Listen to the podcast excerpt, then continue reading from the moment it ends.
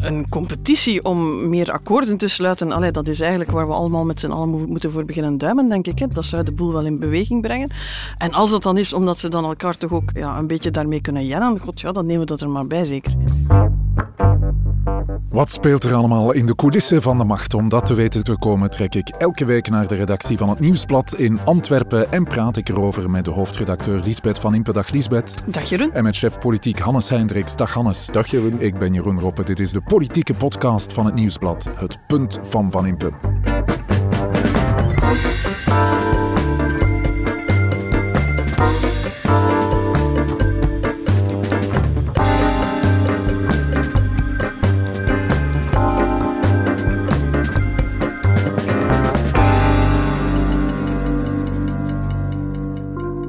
Sorry dat ik eh, zo met de deur in huis val, maar jullie zaten er glad naast hè, vorige week. Het was paniek, Jeroen, op de vloer.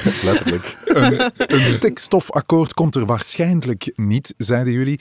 Maar dat was eh, ja, buiten het staatsmanschap van eh, Jan Jan Bon. We gaan daar een paar amendementen bij maken, Ja. Jeroen. Maar ik moet eerlijk toegeven dat we vrijdag hier wel even naar elkaar zitten kijken. En ik vermoed dat dat ongeveer het tafereel op alle redacties zal geweest zijn. Want iedereen was vrij stellig in... eh, er komt geen akkoord meer, de CD&V gaat niet meer buigen. En Ja. Het, het, het, Ja. het- ja, we gaan dit eh, een stille dood zien sterven. Het was zelfs een emotioneel momentje eigenlijk. eh. Hoezo? D- Emotioneel? Er is geroepen op de vloer. Er is Oei. geroepen. Het werd even te veel voor onze Hannes. Voor onze chef politiek. Vertel er mij straks alles over.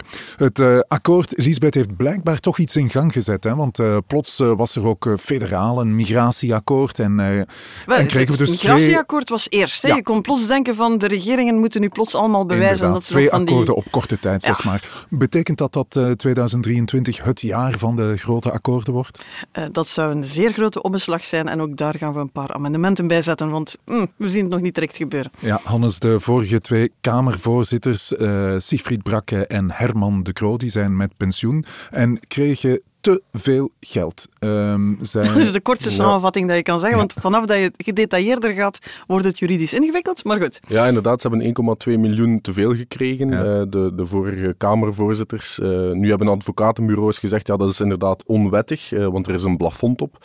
Ja, de vraag is maar of ze hen effectief kunnen dwingen om dat geld ook terug te betalen. Ja. Dat blijkt toch een stuk moeilijker te zijn. En intussen blijkt trouwens dat er nog meer uit-Kamervoorzitters van Ja. deze regeling genoten hebben, dus eh, het lijstje wordt langer. Oké, we hebben het ook daarover uh, zometeen. Lisbeth, attent als ik ben, heb ik iets meegebracht waarvan ik zeker ben dat jij het graag hebt. Ik had het al gezien, Want je hebt mij ooit eens verteld dat je graag uh, Gruner Veltliner drinkt. Wel, dit is er zo één. Uh, Ik vind fris, dat lekker, Jeroen. pittig, En waar uh, komt die vandaan deze keer? Niet uit Oostenrijk, want dat is, daarvoor staat die druif bekend moet uit. België komen, hè, Jeroen? Dat Ja. is het concept van deze podcast. hè? Inderdaad, hij komt uit België, want ook wij hebben heel mooie resultaten met Gruner Veltliner. In Borgloon, de parel van Haspengouw, daar maken ze deze bistro. Bistro van het uh, domein Cuvelier in Borgloon. Op het tachtigste punt van Van Impe. Gezondheid.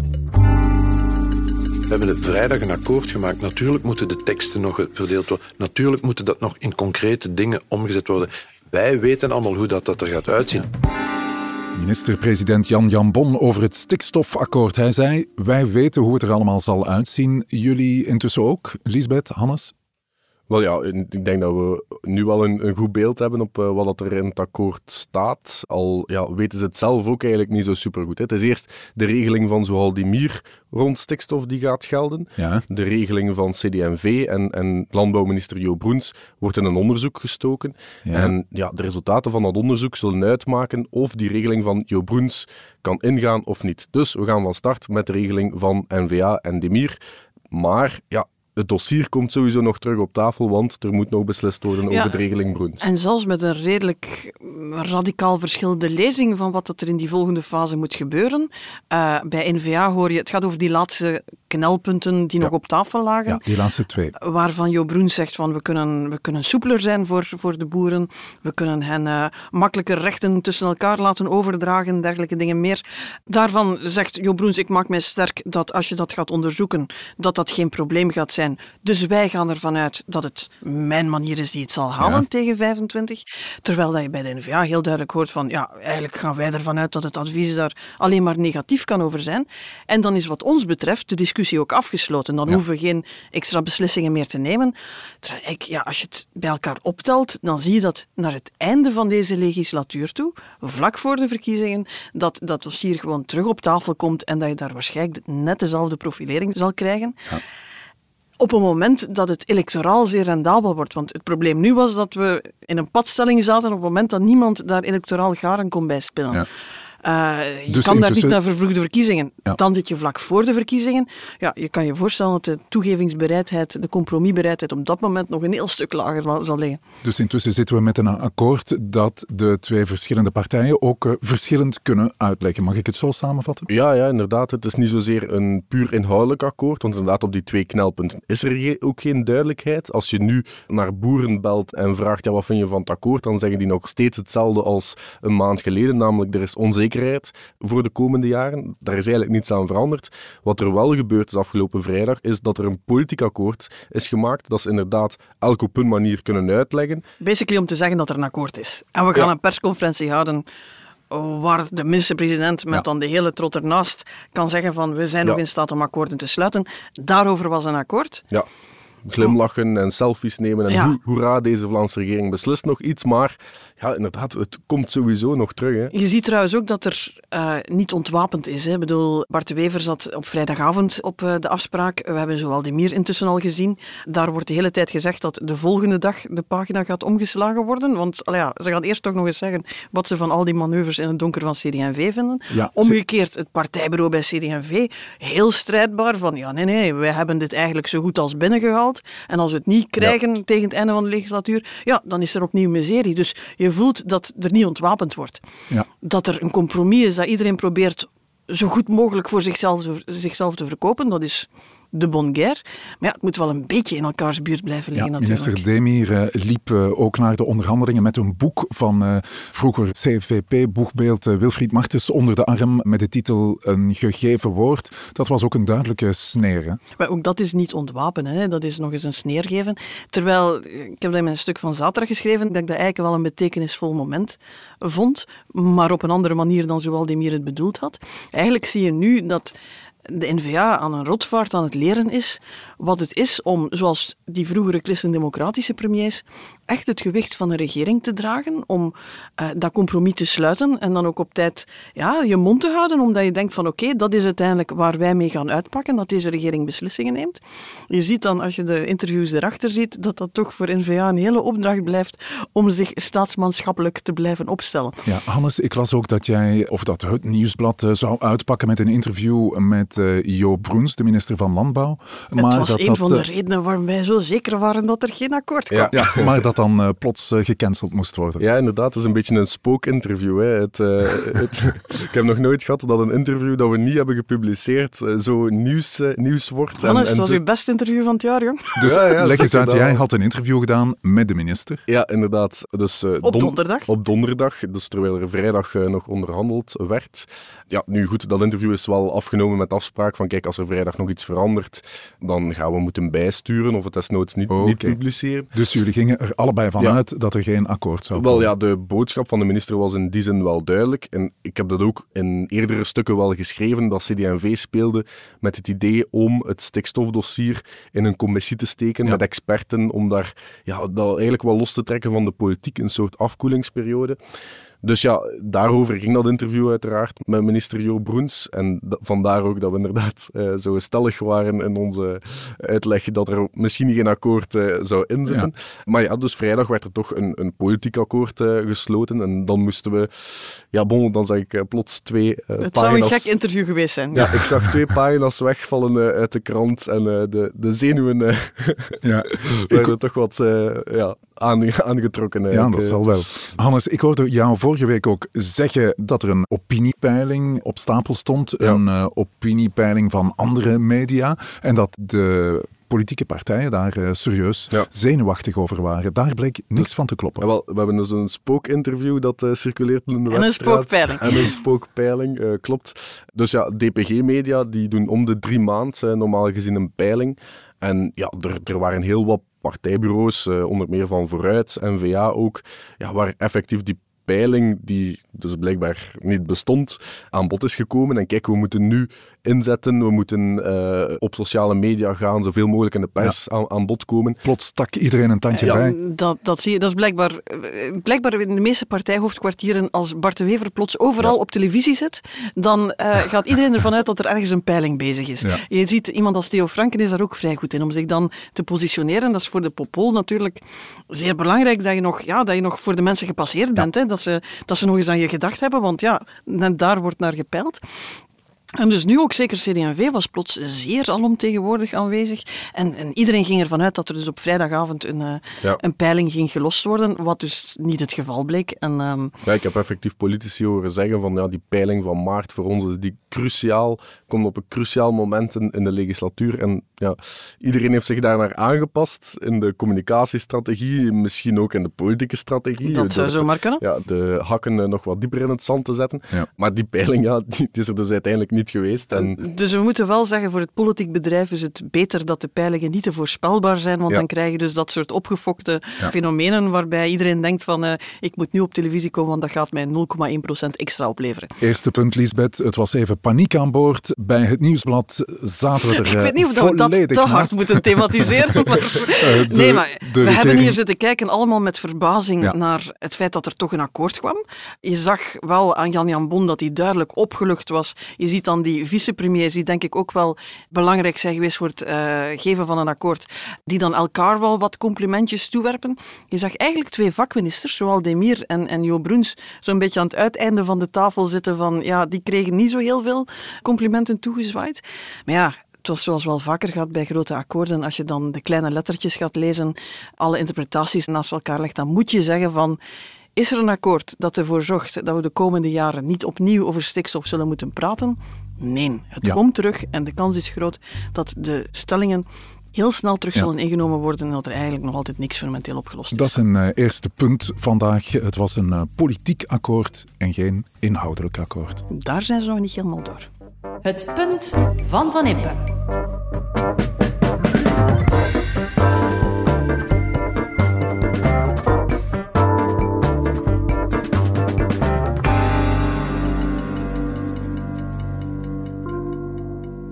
voor iedereen duidelijk dat de status quo op het vlak van migratie in ons land onhoudbaar is. De oplossing kan niet enkel zijn om bijkomende plaatsen te creëren. Naast het creëren van bijkomende opvangcapaciteit is het duidelijk dat we ook ons asiel- en migratiesysteem moeten hervormen, fundamenteel moeten hervormen.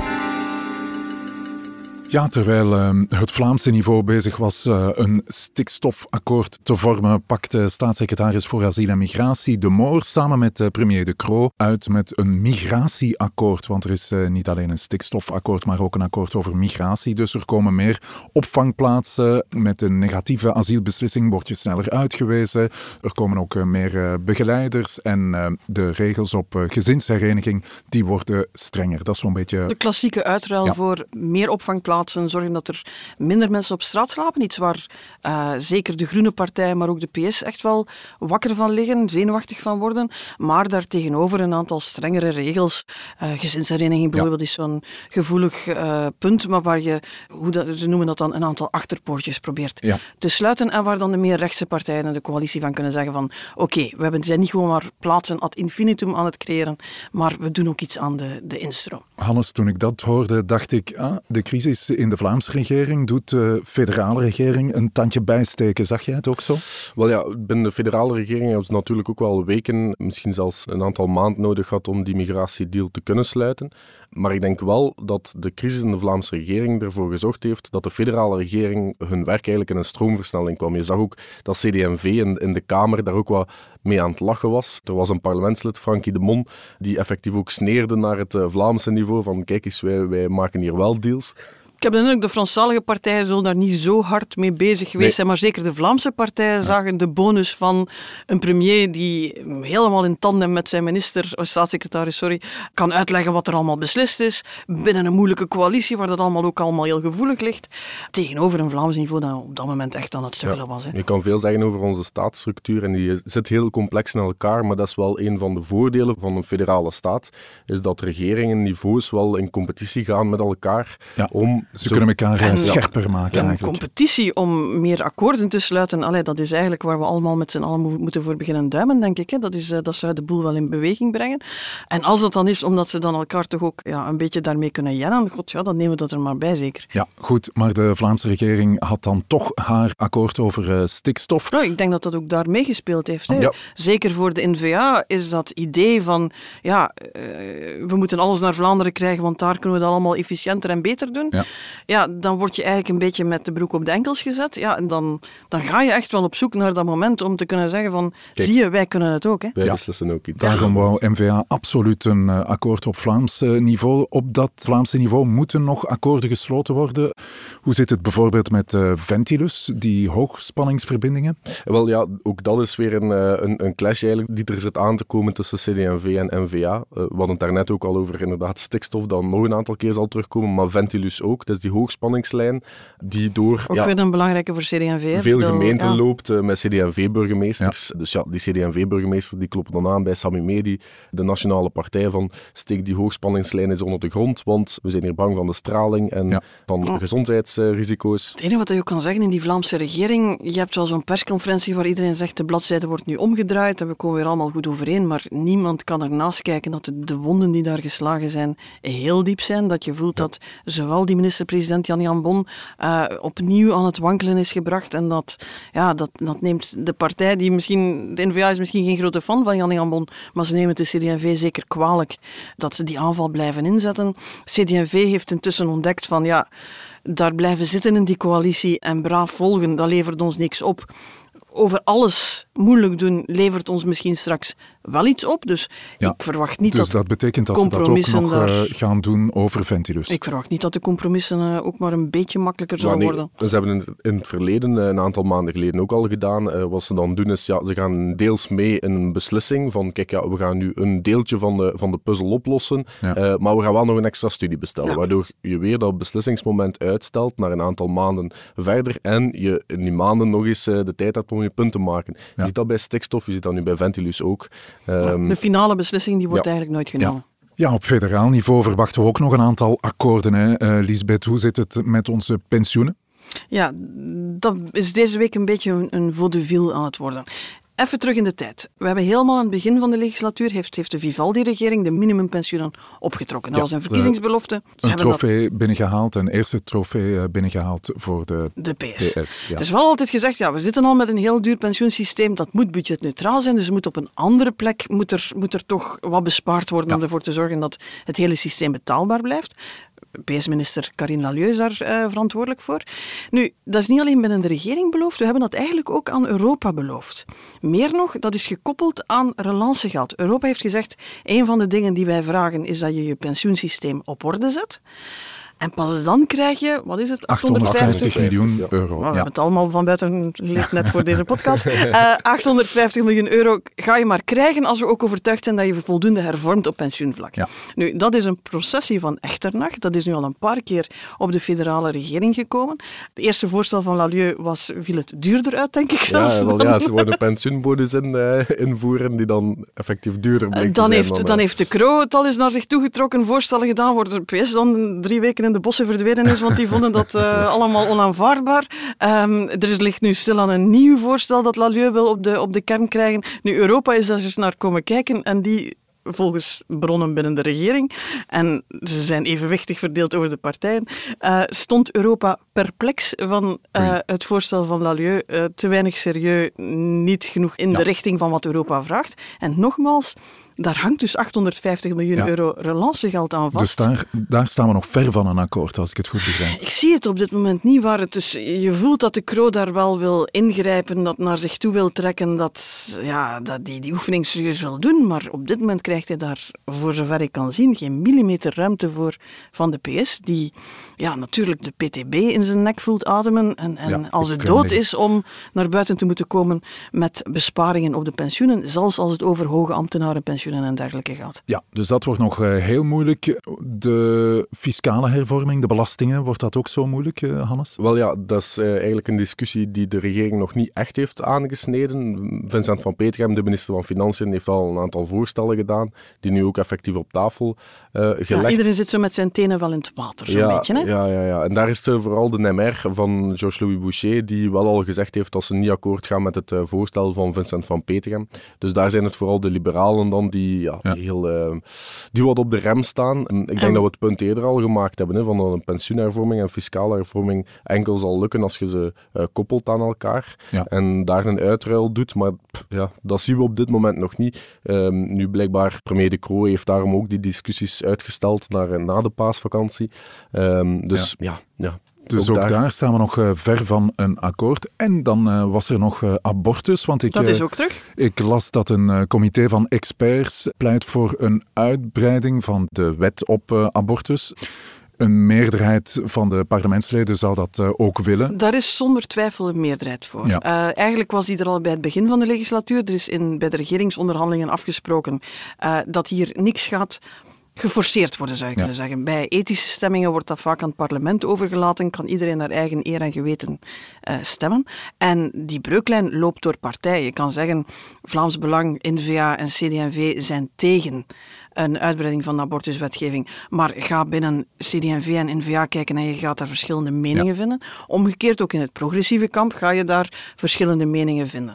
Maar goed, er is een soort van afspraak gemaakt om elkaar daar toch niet te veel zeer op te doen. CD&V is iedereen daaraan aan het herinneren van jongens, we gingen hier naar een consensus proberen te zoeken. Ja, want CD&V zit in de meerderheid en um, ja, staat daar eigenlijk helemaal alleen. Staat daar binnen de meerderheid behoorlijk alleen, ja, absoluut. Laat zeggen, dat soort dossier dat op dit moment eigenlijk niemand nog zag komen, niemand was daar eigenlijk goed rekening mee aan het houden, maar oké, dat rapport is nu af. Die experts zeggen van ja, we kunnen wel naar een, een langere periode gaan en een kortere bedenkperiode, want het gaat eigenlijk over de twee aspecten, dat het, het langer mogelijk zou zijn en dat je niet meer zo lang moet wachten om uh, ja, je finale beslissing te nemen. weken en dan van zes naar twee dagen. Dat zijn de gevallen die vandaag nog altijd naar Nederland gaan, omdat het daar dan wel mag. En daar ja, is, is binnen het parlement toch een vrij grote meerderheid om uh, te zeggen dat dat ook in België zou moeten kunnen. Dat is een probleem, denk ik, dat, dat de Kroon zal moeten zien te evacueren. Want het is in die CD&V er nu waarschijnlijk heel moeilijk kan bij pakken.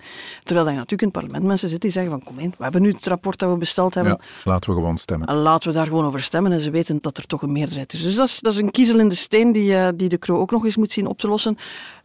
Minder moeilijk dan fiscale hervorming en pensioenhervorming.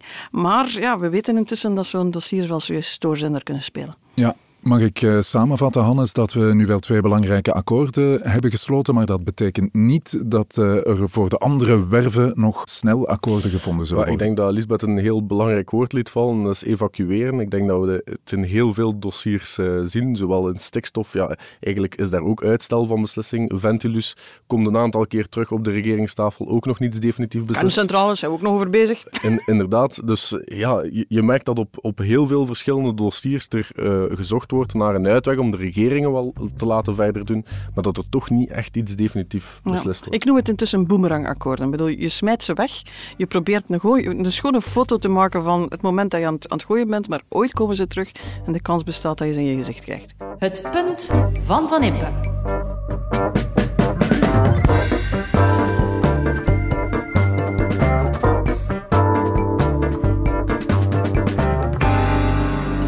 Hebt even iets nagekeken dat uh, niet helemaal duidelijk was. Het gaat over die vergoeding aan de twee voorzitters, aan Herman de Croo en Siegfried Brakke.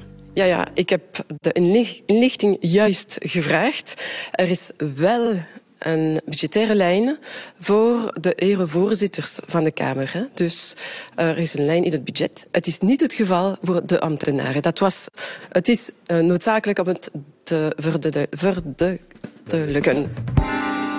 Genant moment in de Kamer. De voorzitter van de Kamer, Eliane Tillieu, werd gevraagd naar de extra premies die oud-Kamervoorzitters eh, kregen tijdens hun pensioen. De Kamer vraagt nu om dat geld terug te vorderen. Lisbeth, kan je die oud-Kamervoorzitters eigenlijk iets kwalijk nemen? Ik vind, je moet er altijd van uitgaan als uh, geld op een rekening gestort wordt, dan zijn er bijzonder weinig mensen die dat gaan teruggeven. Intussen is de conclusie dat die regeling waarschijnlijk niet wettelijk was, wat niet betekent dat de uitkamervoorzitters die ze gekregen hebben per se iets onwettelijk zouden gedaan hebben. Alleen, ja, het fragment dat we lieten horen is van een week of twee geleden, denk ik. Het begon genant, het ging verder genant, het werd niet minder genant en het eindigt nu ook genant, denk ik. Intussen zeggen ze onwettelijk en ze gaan proberen het geld terug te vorderen. Ik kan mij voorstellen dat dat voor die ex-kamer Kamervoorzitters een harde dobber is, omdat zij het gevoel hadden dat ze daar gewoon recht op hadden. Ja, maar oud- daar zit natuurlijk ook gewoon het probleem. Oud-voorzitter eh, Herman de Croo die heeft eh, intussen zijn geld eh, gestort, of dat geld gestort voor Kom op tegen kanker, voor een goed doel dus. Ja, wel, maar de Kamer heeft effectief nu een persbericht gestuurd dat ze gaan proberen om dat geld terug te krijgen. Dus ik weet nu niet wat... Gaan wat er- proberen is denk ik hier het operationele woord. Ja. Ja, ja, inderdaad. Ja. Want het is, ja, zoals, zoals Lisbeth zei, ze hebben er zelf niet, niet voor gekozen, ze hebben zelf niet iets onwettig gedaan. De beslissing is wel genomen binnen de Kamer, weliswaar door het verkeerde orgaan. Maar Ja. juristen zijn het er wel eens over dat het wel heel moeilijk gaat zijn om, om dat terug te vorderen. Maar Dus- we zijn nu helemaal naar dat wettelijke van die discussie aan het kijken en eigenlijk voelt iedereen aan zijn theewater dat het hier eigenlijk over iets anders gaat. We hebben de voorbije, ik weet niet wat ik moet zeggen, twintig jaar is er een gevoeligheid gegroeid over dat statuut van parlementsleden, die vergoedingen, eh, de manier waarop er op heel veel verschillende manieren geld naar eh, parlementsleden, maar ook hun partijen gaat. Iedere keer als dat opflakkert, dan wordt er zo'n oefening gedaan om daar eens naar te kijken. Dan wordt er vaak ook zelfs beslist om ergens iets af te schaven. Of, of daar is 5% eraf, daar is eh, een beperking, een, een uitredingsvergoeding, waar voorwaarden aan gekoppeld worden, noem het maar op. Maar iedere keer opnieuw blijkt dat er daarnaast toch weer nog een ander koterij staat, die ze dan niet gezien hebben, niet aangepakt hebben, die eigenlijk niet uit te leggen valt. Ja, want hoe kan het dat dit eh, onopgemerkt eh, gebleven is in de Kamer? Blijkbaar in de jaren 70 hebben ze beslist dat ze daar iets gingen eh, uitvinden om ja, het plafond te ontwijken. Ja, ik, ik begrijp zelfs nog dat parlementsleden die elke dag bezig zijn met ja, beleid te maken, dat die de koterijen van het, ja. van het verleden niet continu tegen het licht houden. Eigenlijk zou daar een speciale commissie voor moeten bestaan die effectief dat soort koterijen onder de loep neemt. En, Ja, en, want daar en ging het over, je zegt het plafond ontwijken, de bovengrens eh, van dat het was pensioen. hier in dit geval hebben ze iets anders. Dat moet Ja. dan anders noemen. Dat mag dan Ja. niet een pensioen heten, dat moet dan even een premie heten. Het is niet decent hoe daar met geld wordt omgegaan. Hoe de ene keer zal het onwettelijk zijn, de andere keer zal het de wet oprekken zijn tot op het absolute pijnpunt. Parlementsleden mag je goed betalen. Je kan geen enkel parlementslid verwijten dat als het eh, systeem, het stelsel genereus is, dat hij daar dankbaar eh, gebruik van maakt. Dat is allemaal des mensen. Er zijn weinig mensen die het geld dat op een rekening gestort wordt terugstorten omdat ze denken het was toch een beetje te veel. Dus je moet het systeem juist krijgen. Ja. Je moet zorgen dat daar een logische vergoeding aan hangt, dat dat transparant is, dat iedereen weet wat het is en dan mag dat best goed betaald zijn. Dat is echt het probleem niet. Maar mijn mailbox zit vol hè, met mensen die zeggen van ja, je moet eens kijken naar die onkostenvergoedingen van die parlementsleden. Dat is ook, slaat ook nergens op. En kijk eens naar dit en kijk eens naar dat. En die mensen hebben gelijk, want dat zijn allemaal stelsels waarvan politici aan gewone werknemers komen uitleggen dat je daar toch allemaal realistisch moet in zijn, dat we dat toch allemaal moeten begrenzen, dat we het toch allemaal moeten zwaar belasten, noem maar op politici die aan andere mensen komen uitleggen dat de tering naar de nering moet gezet worden, moeten zorgen dat hun eigen stelsel transparant, rechtvaardig en een beetje fatsoenlijk is. Ja, Hannes, ik hoor eh, Lisbeth hier het punt maken of eh, deze regeling nu wettelijk was of niet. Eigenlijk maakt dat niet uit. Het was niet fatsoenlijk. Ja, nee, er is koterij na koterij na koterij eh, opgebouwd binnen die Kamer, binnen de politiek eigenlijk in het algemeen. Ik denk, ja, je kan individuele parlementsleden niet verwijten dat ze ook door het bos de bomen niet meer zien. Maar er moet wel ja, op het niveau van de politiek daar iets mee gebeuren. En, en we moeten daar iets aan doen. En ja. blijkt dat alle voorgaande oefeningen niet grondig genoeg gebeurd zijn en dat er eigenlijk eens treffelijk naar moet gekeken worden om ervoor te zorgen dat er niet keer na keer na keer zulke discussies opduiken, want die zijn echt dodelijk voor het beeld van de politiek. Het punt van Van Impe.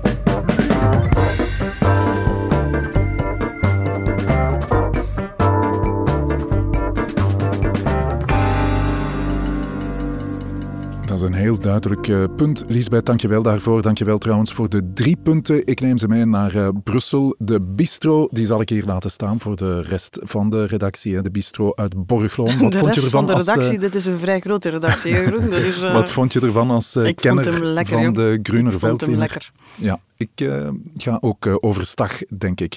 Goed, nummer 80 zit erop van het punt van Van Impe. Actua volg je tegenwoordig elke dag, dankzij de podcast van het Nieuwsblad De Insider. Zeker doen. We gaan het de volgende weken, Lisbeth, zonder jou doen, ja, want jij neemt hem... 82, 83 en Ja. 81, 82, misschien 83 zal Oké. zonder mij zijn. Jij maar houdt ik een eh, medische break, maar eh, je Ik stoel wordt warm gehouden. even tussenuit. En dus Hannes eh, zal samen met collega Arnoud Gijsels de honneurs waarnemen en punten van Van Impe maken als, alsof ik hier zelf aanwezig zou zijn. En ik zal in het ziekenhuis wel luisteren of dat het ergens op slaat wat ze hier aan het zeggen zijn. Laat je goed verzorgen, Lisbeth. En tot over enkele weken. Dankjewel. Dit was het Punt van Van Impe, een podcast van het Nieuwsblad. Je hoorde de stemmen van hoofdredacteur Lisbeth Van Impe, van Hannes Heindriks, ook chef politiek, en van mezelf, Jeroen Roppe. Dank aan de VRT voor de audioquotes, aan Pieter Schrevers voor de muziek en aan Pieter Santens van House of Media voor de montage. De productie was in handen van Joni Keimolen en Bert Heijvaart. Tot het volgende Punt van Van Impe.